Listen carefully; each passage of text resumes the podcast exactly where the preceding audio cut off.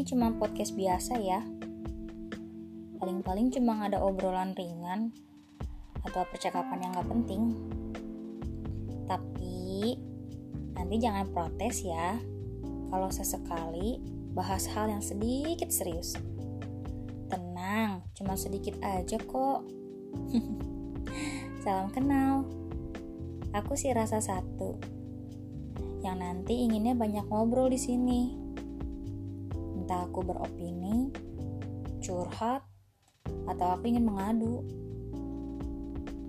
Namanya rasa satu. Karena satu yang aku ibaratkan di sini adalah sendiri atau diri ini.